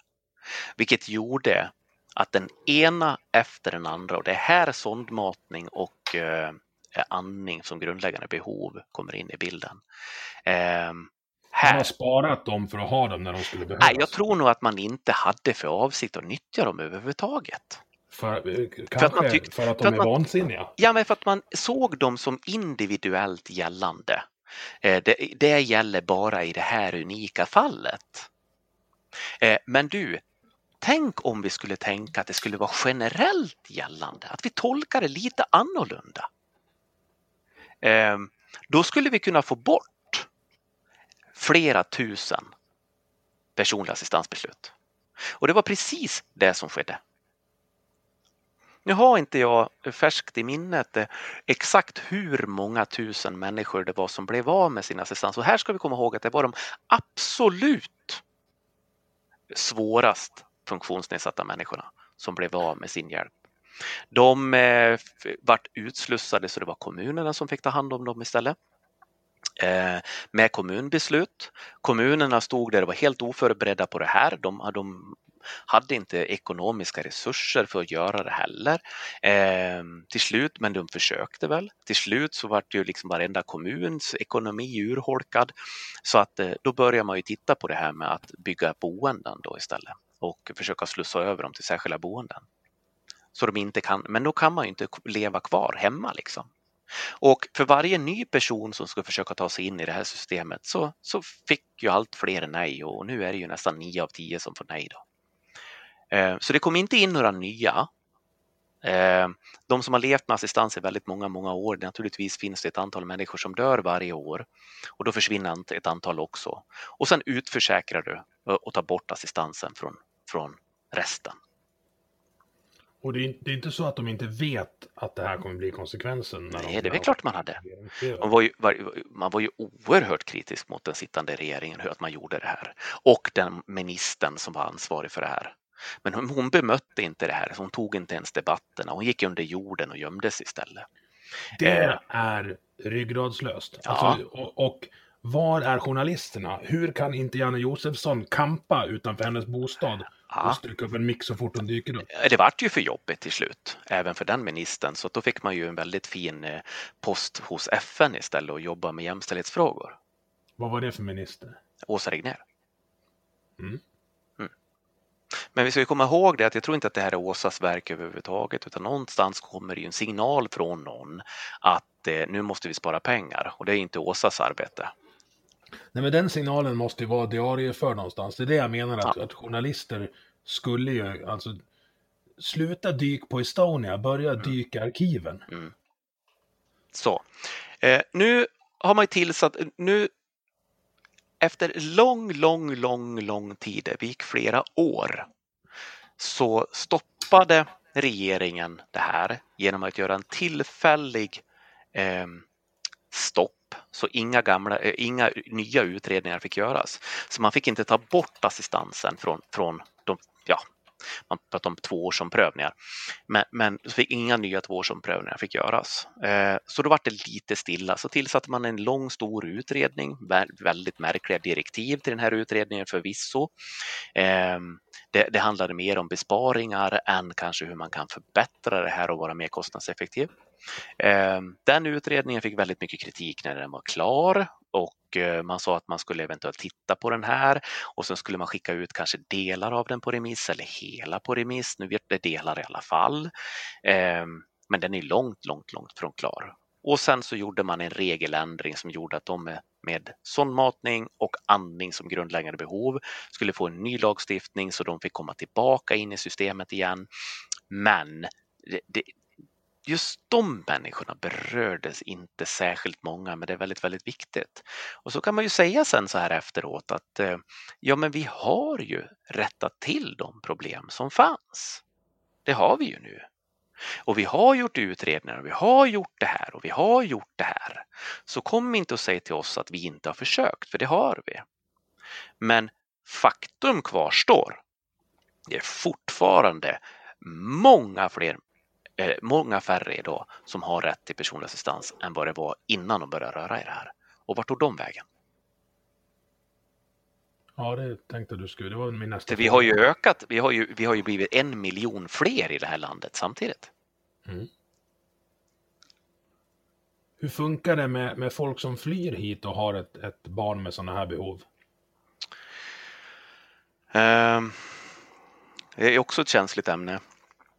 Uh, därför att uh, jag tror att det är svårt att fly hit med det här behovet. Det tror jag. Mm. Eh, däremot så har det visat sig att det finns ett sätt att ta sig bakvägen in i svenskt välfärdssystem. Okay. Och det här är ju utrett och klart. Eh, men, men det är väldigt lite skrivet om det, tyvärr. Och jag tror att det, dels att det är känsligt och människor med, med illvilja eh, kanske skulle vilja nyttja den här liksom, och argumentera för det här. Och, och men, men faktum är det... Alltså, minska invandringen med, med, med det här som... som ja, som, ja, men faktum mm. det ska är... Vi, det ska vi inte ge dem. Nej, men, och, men faktum är det, och, och jag tror att jag hade gjort likadant. Så vi har det som utgångspunkt. Jag hade nog agerat likadant om jag hade kunnat rädda och hjälpa mitt barn. Eh, men jag söker ett arbetstillstånd i Sverige jag eh, får ett, arbet, eh, ett anställningskontrakt eh, på till exempel ett assistansföretag, säger vi. Eh, och då använder jag det anställningskontraktet för att söka om arbetstillstånd i Sverige. Eh, och får jag det, ett arbetstillstånd, då har jag också juridisk rätt att ta med mig min familj till Sverige. Mm. Nu råkar det vara så att en i min familj har svåra funktionsnedsättningar. Och eh, när jag kommer till Sverige och ska börja jobba, då kommer jag in i svenskt välfärdssystem, det vill säga in i Försäkringskassan och så vidare. Och då har jag också rätt att söka om personlig assistans till mitt barn. Mm. Eh, och med, med massa läkarintyg naturligtvis. Eh, och sen så visade det sig att eh, den här anställningen som blev, den blev ju med mitt barn i Sverige. Mhm. Och det Mm. där är utstuderat då från Ja. starten? Ja, Mm. så. Och här pratar vi alltså flera hundra människor som har kommit den vägen. Varför, har, varför vet jag ingenting om det här? Eh, för att du har inte läst det i tidningen så mycket. Det har varit med i både radio och tv och, och på, på, på, i tidningar. Det har gjorts en stor fuskutredning av en man som heter Stig Svensson som beställdes av regeringen. Jag tror att den var klar januari 2018. Eh, där han eh, märker att man har gjort de här människorna som en handelsvara. Eh, och, men men eh, man har inte lyckats täppa till det här hålet än. Och jag, eh, och, och, jag vet inte ens om man ska det. Jag, jag, det lägger inte jag mig i. Men jag kan tycka så här att om, vi ska om vi har för avsikt att hjälpa eh, alla människor i hela världen här med personlig assistans i Sverige. Eh, då kan vi väl gå ut och säga att vet du vad, det här är okej, så här kan du göra för att ta dig hit, så hjälper vi dig. Men inte att man ska liksom kunna gå bakvägen in i systemet. Eller så stoppar man den här vägen. Om det inte var meningen, eh, då stoppar du den här vägen. För det som skedde, det var att man kunde också se en lavinartad kostnadsutveckling inom personlig assistans och det var det som fick Magdalena Andersson att argumentera för att, eh, att, att dra ner på assistansersättningen. För hon såg att det var en kostnadsutveckling som inte gick att förklara. Och här har du förklaringen. Mm. En av förklaringarna och en väldigt stor del av förklaringen. Och det kunde ju också Stig Svensson säga i sin fuskutredning. Men man har fortfarande inte täppt till den här luckan. Då. Och det kanske inte är så lätt, jag vet inte. Nej, men att saker och ting inte är lätta eh, är ju inte en anledning till att inte göra dem. Nej, men om man då har förklaringen på det, då kanske man inte ska skära den andra änden. Det kan nog vara en... det är ytterst rimligt, Ja. måste jag säga. Ja, Ja, vi har pratat en och en halv timme nu Robban. Mm. Vi, vi skulle prata, du skulle, så här, jag har väl ställt tre frågor tror jag. Eh, vi ska avsluta med att prata om någonting som är lite roligare än eh, regeringsutredningar och ministrar som borde avgå och, och så vidare. Mm. Jag är lite allergisk mot det här med utredning överlag. Det känns som ja att det är ju en täckmantel för att man ska slippa ta ett beslut. Ja. Då tillsätter man en utredning och sen så får den där läggas i byrålådan sen. ja, om man inte är nöjd med resultatet kan man tillsätta en ny. Ja, då. Men vi får ta det nästa gång du är med och pratar. Så ska, vi berätta, ska vi prata om... Jag har faktiskt en idé om att säsong tre ska låta folk vara statsminister i en timme. Och du är högt upp på min lista över, över folk jag skulle vilja ha som statsminister. Både i podden och på riktigt. Oj då. Eh, Men du, eh, du åker ju kälke också, din jävla dåre. Ja, Och då kommer vi tillbaks till det här att naturligtvis spårar det ur. Det gör ju det. Fast helst inte på kälken. Nej, men berätta, det är inte vilken kälke som helst. Nej, alltså jag har ju alltid parallellt i hela mitt liv sysslat med, med, med idrott. Så. Eh, Från begynnelsen, Nordeuropas sämsta hockeyspelare genom alla tider. Jag har suttit på varenda eh, avbytarbänk i hela Dalarna. Men du är Så. inte så dålig så att du var domare som din bror. Nej, precis. Eller så insåg jag, jag var väldigt dålig på att åka skridskor så att jag kanske inte ens dög och blev hockeydomare. Vet du vad Eh. min tränare eh, gjorde när han skulle beskriva mig som hockeyspelare? Nej. Eh, Som tur var långt efter att jag lagt av, men då sa han så här att Emil, han kan inte svänga vänster och han kan absolut inte svänga höger. Nej, nej. så, så bra är jag på skridskor. Ja. Jag kan inte ens stoppsladda åt, åt höger. Det går Ja. inte. Ja. Nej, men sen, så, sen eh, efter det där så, så visade det sig att jag hade en fallenhet för att, att, att lyfta tunga saker. Eh, jag har alltid varit väldigt, väldigt liten eh, under hela min uppväxt, så alltid några huvuden kortare än alla andra och, och väger oerhört mycket mindre. Eh, så därför fick jag alltid kompensera med att ta i extra mycket då, eller vara var extra ettrig liksom. Så. Och det, det gjorde att styrkelyft verkar ju vara en, en sport som, som fungerade bra för mig. Då. Så att jag var med i landslaget och tävlade på på ett antal SM och nordiska och eh, gjorde ett försök även på VM men vart matförgiftad så att sen vart det ju som inget mer. Hur tungt lyfter man då? då? Ja, jag, jag, jag går in i mellanviktsklass, 74 eh, kilosklassen heter det på slutet. Alltså du vägde 74 kilo? Ja, precis. Och, Skivstången vägde mer? Ja, den väger lite mer. Och det är knäböj, bänkpress och marklyft man tävlar i.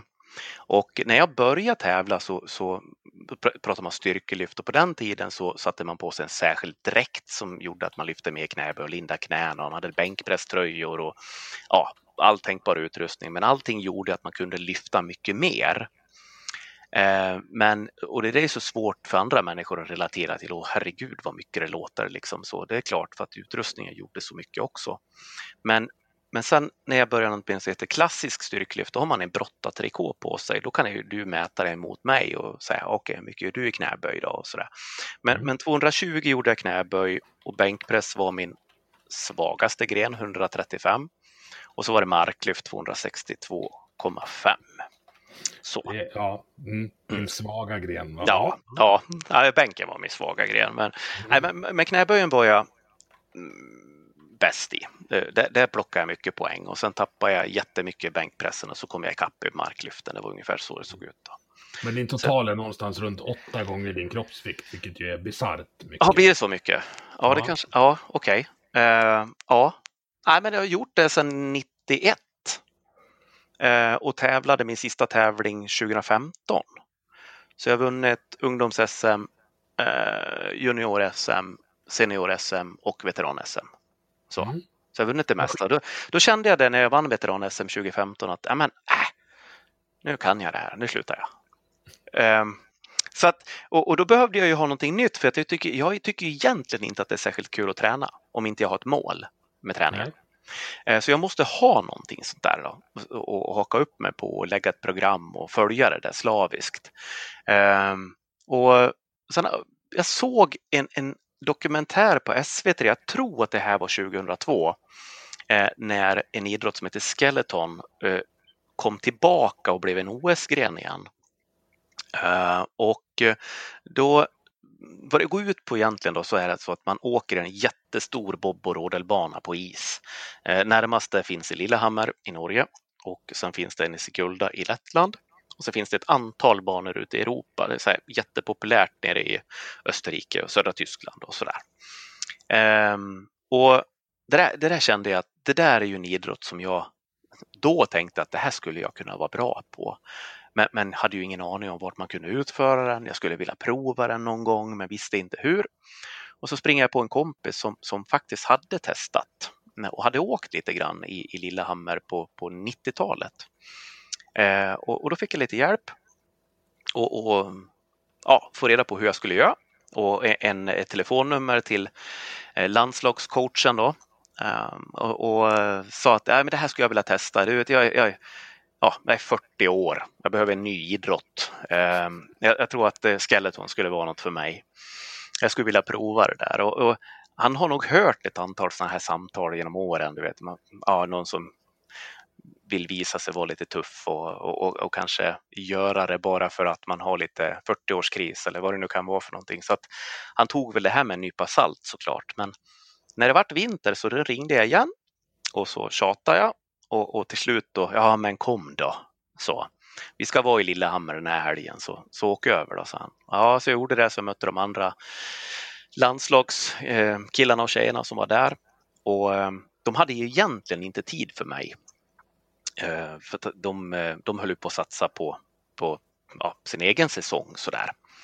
Men eh, så de hann väl egentligen inte instruera mig så mycket heller utan det vart ju på med hjälm och här har du en kälke och ja, här har du banan så att eh, gör så här. Och, och högst uppifrån eh, man ser egentligen ingenting. Isbanan är ju, vad är den, en, och, en meter bred, en och 20 meter bred ungefär. Um, och så vad du än gör, släpp aldrig kälken. Släpp aldrig kälken. Du kommer att komma i mål, ta det lugnt. Um, och är det så att du tappar bort dig, du vet inte vart du är någonstans i banan, bara håll i dig och blunda liksom. Så. Ja, ja, sa jag. Och så la jag mig på mage på den där kälken och så ligger man. Ja, och så ligger du med och så ligger du med huvudet före. Mm. Och du ligger då med hakan ett par centimeter från isen. Eh, du har en integralhjälm. Ehm, och sen tog de en sopkvast och så puttade de över kanten. Jag har ju sett din hjälm. Den är ju repig eh, ja. på eh, munskyddet. Ja. Och hur fort går det? Ehm, det åket så, så, tror jag att det kommer upp i 110 km i timmen. Sen första åker, gången du provar? Första gången jag provar. Eh, det är 16 kurvor totalt. I kurva 13 så svartnar det och jag känner nu tuppar jag av, nu svimmar jag. Var det eh, G-krafter då alltså? Nu, och I kurva 13 så upplever man ju 5G ungefär. Då är huvudet fem gånger tyngre än vanligt. Mm. Och eh, då orkar du inte hålla upp huvudet utan då ligger ju hjälmen och, och huvudet och släpar isen. Liksom. Du trycks ju ner mot isen. Um, och jag, och jag kommer i mål och, och, du vet, jag, jag fattar inte, vad, vad var det som hände? Det var som att kasta in någon i en torktumlare lite så, känns det som. Och, och så bara, shit! Vilk, alltså det här var det läskigaste jag har gjort eh, i hela mitt liv. Jag, jag tänker att jag, jag, jag åker inte upp igen. Jag gör inte det. Eh, jag, jag lyfter ur kälken ur banan, jag tar av mig hjälmen och där står ju minibussen redo, skjuter upp sin dörr.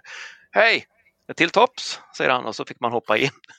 och, så, och så satt jag på vägen upp och så tänkte jag, ska jag säga att jag inte gör något mer åk, att jag är mätt nu? Men alltså, jag har ju sagt att jag ska vara här hela helgen förvisso. Eh, jag borde åka ett åk till i alla fall. Eller nej, nej jag viker ner mig. Eller varför, var, vem försöker jag bevisa något för? Sådär, så. Ja, det var mycket tankar. Men så gjorde jag ett åk till eh, och, och det kändes naturligtvis mycket bättre. För då började jag förstå vart jag var någonstans i banan. Jag kunde fortfarande inte förstå hur jag skulle styra eller någonting så, men, men eh, jag, jag, visste, jag kunde orientera mig bättre. Och sen så gjorde jag dagen efter gjorde jag ett par åk till. Och när jag åker hem därifrån själv i en bil, eh, sex timmar tar det ungefär att åka, så, så eh, då, då känner jag mig som ja, ett litet barn på julafton. Så. För då förstod jag ju att det här, det här vill jag göra mer av. Eh, jag hade hittat någonting, lite hitta hem kanske. Sådär. Jag sitter ja. och tittar på ett klipp från den där banan i Lillehammer nu. Ja. Mm. Det kan jag rekommendera alla att göra. Eh, alltså titta på klippet, inte åka här. det här är vansinne. Är du medveten om det? Ja, fast jag också. Jag gjorde min riskkalkyl innan. Eh, för, för jag tycker inte om att utsätta mig, det, det, kanske låter konstigt, men jag tycker inte om att utsätta mig för onödig fara. Jag gillar inte att köra fort till exempel med bil eller eh, sådana grejer. Fallskärm skulle jag aldrig göra. Därför att då men 130 kilometer i timmen på en norsk spark i en Jag vet. Ja, det låter konstigt. Jag vet. Eh, men jag funderar alltid vad det värsta som kan hända. Du kan, kan få... dö?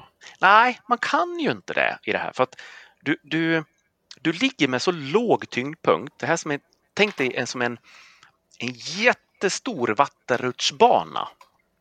Eh, med, samma, med samma doseringar på kurvorna ungefär fast mycket, mycket större. Det är som en vattenrutschbana på steroider. Liksom. Och sen så istället för vatten är det is. Eh, du kommer ju alltid ner. Mm. Eh, sen kan du ju naturligtvis, du kan inte åka in i någonting. Du kan inte åka in i, alltså du kan toucha en sidovägg till exempel, det kan du göra. Och du har lite blåmärken och eh, välter du naturligtvis så, så, kan du ju få skrapsår och, och, och kanske gilla ett nyckelben eller någonting sånt. I värsta fall hjärnskakning kan hända, men det är väldigt ovanligt.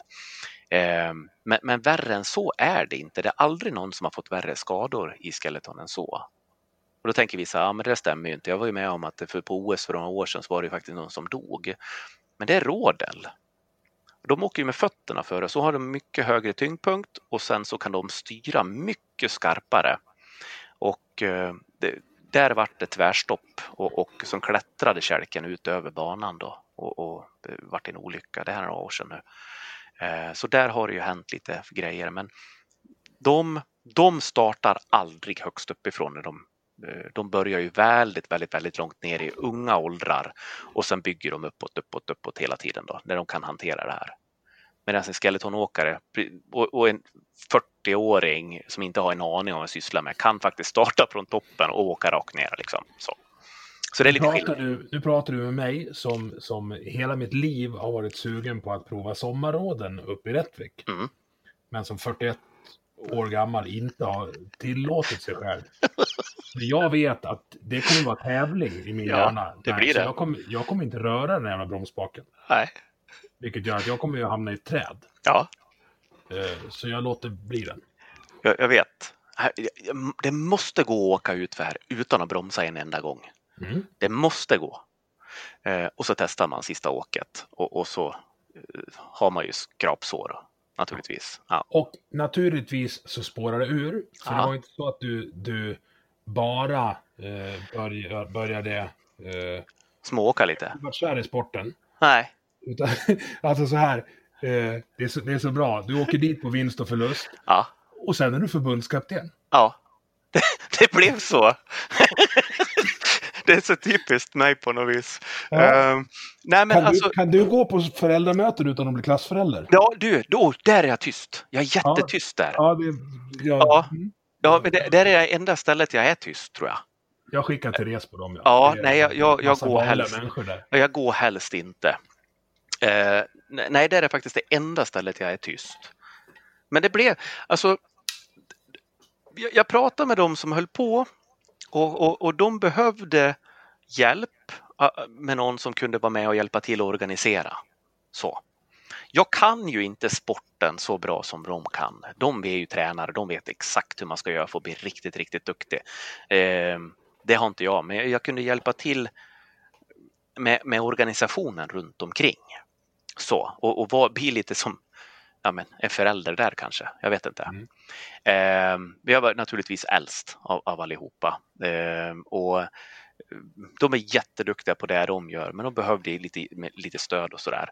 Och sen så eh, Ja, så, så skulle man arrangera ungdoms-OS 2018 där. Nej, förlåt, 2020 eh, var det i Sankt Moritz. Och så började vi leta efter lite ungdomar och så ja, drog vi igång ett ungdomslandslag och, och så lyckades vi kvala in två stycken till ungdoms-OS i Sankt Moritz och, och mm, eh, lyckades eh, väldigt bra måste jag säga. Eh, framförallt för en person då som, som gör tävlingens näst snabbaste åk. Så, eh, och, och, och slutar, man gör två åk och kom sexa totalt och nu är, nu är de två stycken med i, i en eh, i en satsning som SOK har gjort, då, som, som olympisk offensiv kallar man det för, med ett mål att ta medaljer i sporter där vi inte är så framstående, eh, vinteridrotter, eh, ta medaljer 2026 och 2030. Eh, och eh, olympisk offensiv leds av, av eh, legenden eh, Wolfgang Pichler. Oj. Ja, eh, man är lite starstruck när man åkte på läger med han för första gången. Jag kan tänka mig att du och han klickar rätt bra va? Ja, vi, ja, vi fick bra kontakt. En mys, på ett sätt en, en mysfarbror. Men jävligt tysk. Alltså, jag var på väg att komma för sent till en samling en gång. Jag tror mig, jag sprang som att jag var 12 år igen och inte ville få en utskällning av fröken. Liksom. För att det var, han, han har en sån enorm pondus runt omkring sig och samtidigt så oerhört mysig. Och omtänksam. Ger du 100 procent, då, då, då ger han 200. Han är så oerhört engagerad i det han gör. Så att, eh, men han är också, eh, alltså det är en enorm disciplin. Mm. Och, och ska du bli bäst, och, och det är det han gör och det är det han är bäst på, och det är att få människor att bli bäst. Men då måste du offra i princip allt också. Mm. Och han förväntar sig inget annat. Det där är spännande. Det där kan vi säkert prata, prata ihjäl oss om, men vi, Ja. vi måste, måste knyta ihop det här snart. Ja, Men där, där brukar jag ha eh, Zlatan och Filip Forsberg som, som exempel. Det är jättemånga som vill vara Zlatan och Filip Forsberg. Mm. Det är nästan ingen som vill träna som Zlatan och Filip Forsberg. nej. Zlatan har, har svart bälte i minst två kampsporter. Mm. Men så är han snart 40 och eh, i sitt livsform nästan. Ja, nej men ska du bli tillräckligt bra, eller ska du bli bra på någonting så måste du lägga ner något oerhört mycket tid och engagemang. Ska vi knyta ihop det där? Tycker jag. Du har lyssnat på Vi måste prata som produceras av mig, Emil Nilsson. Tycker du om det du hörde? Dela avsnittet med dina vänner och på sociala medier. Vill du stötta podden kan du göra det via Patreon där du hittar den på patreon.com snedstreck vi måste prata i ett ord. Eller så swishar du en slant till nummer 123 671 46 79. Vi hörs!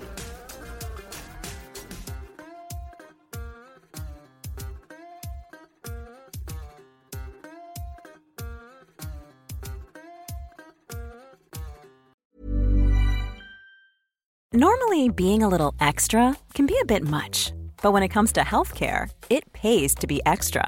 And United Healthcare makes it easy with Health Protector Guard fixed indemnity insurance plans. Underwritten by Golden Rule Insurance Company, they supplement your primary plan, helping you manage out of pocket costs without the usual requirements and restrictions like deductibles and enrollment periods. So when it comes to covering your medical bills, you can feel good about being a little extra. Visit uh1.com to find the Health Protector Guard plan for you.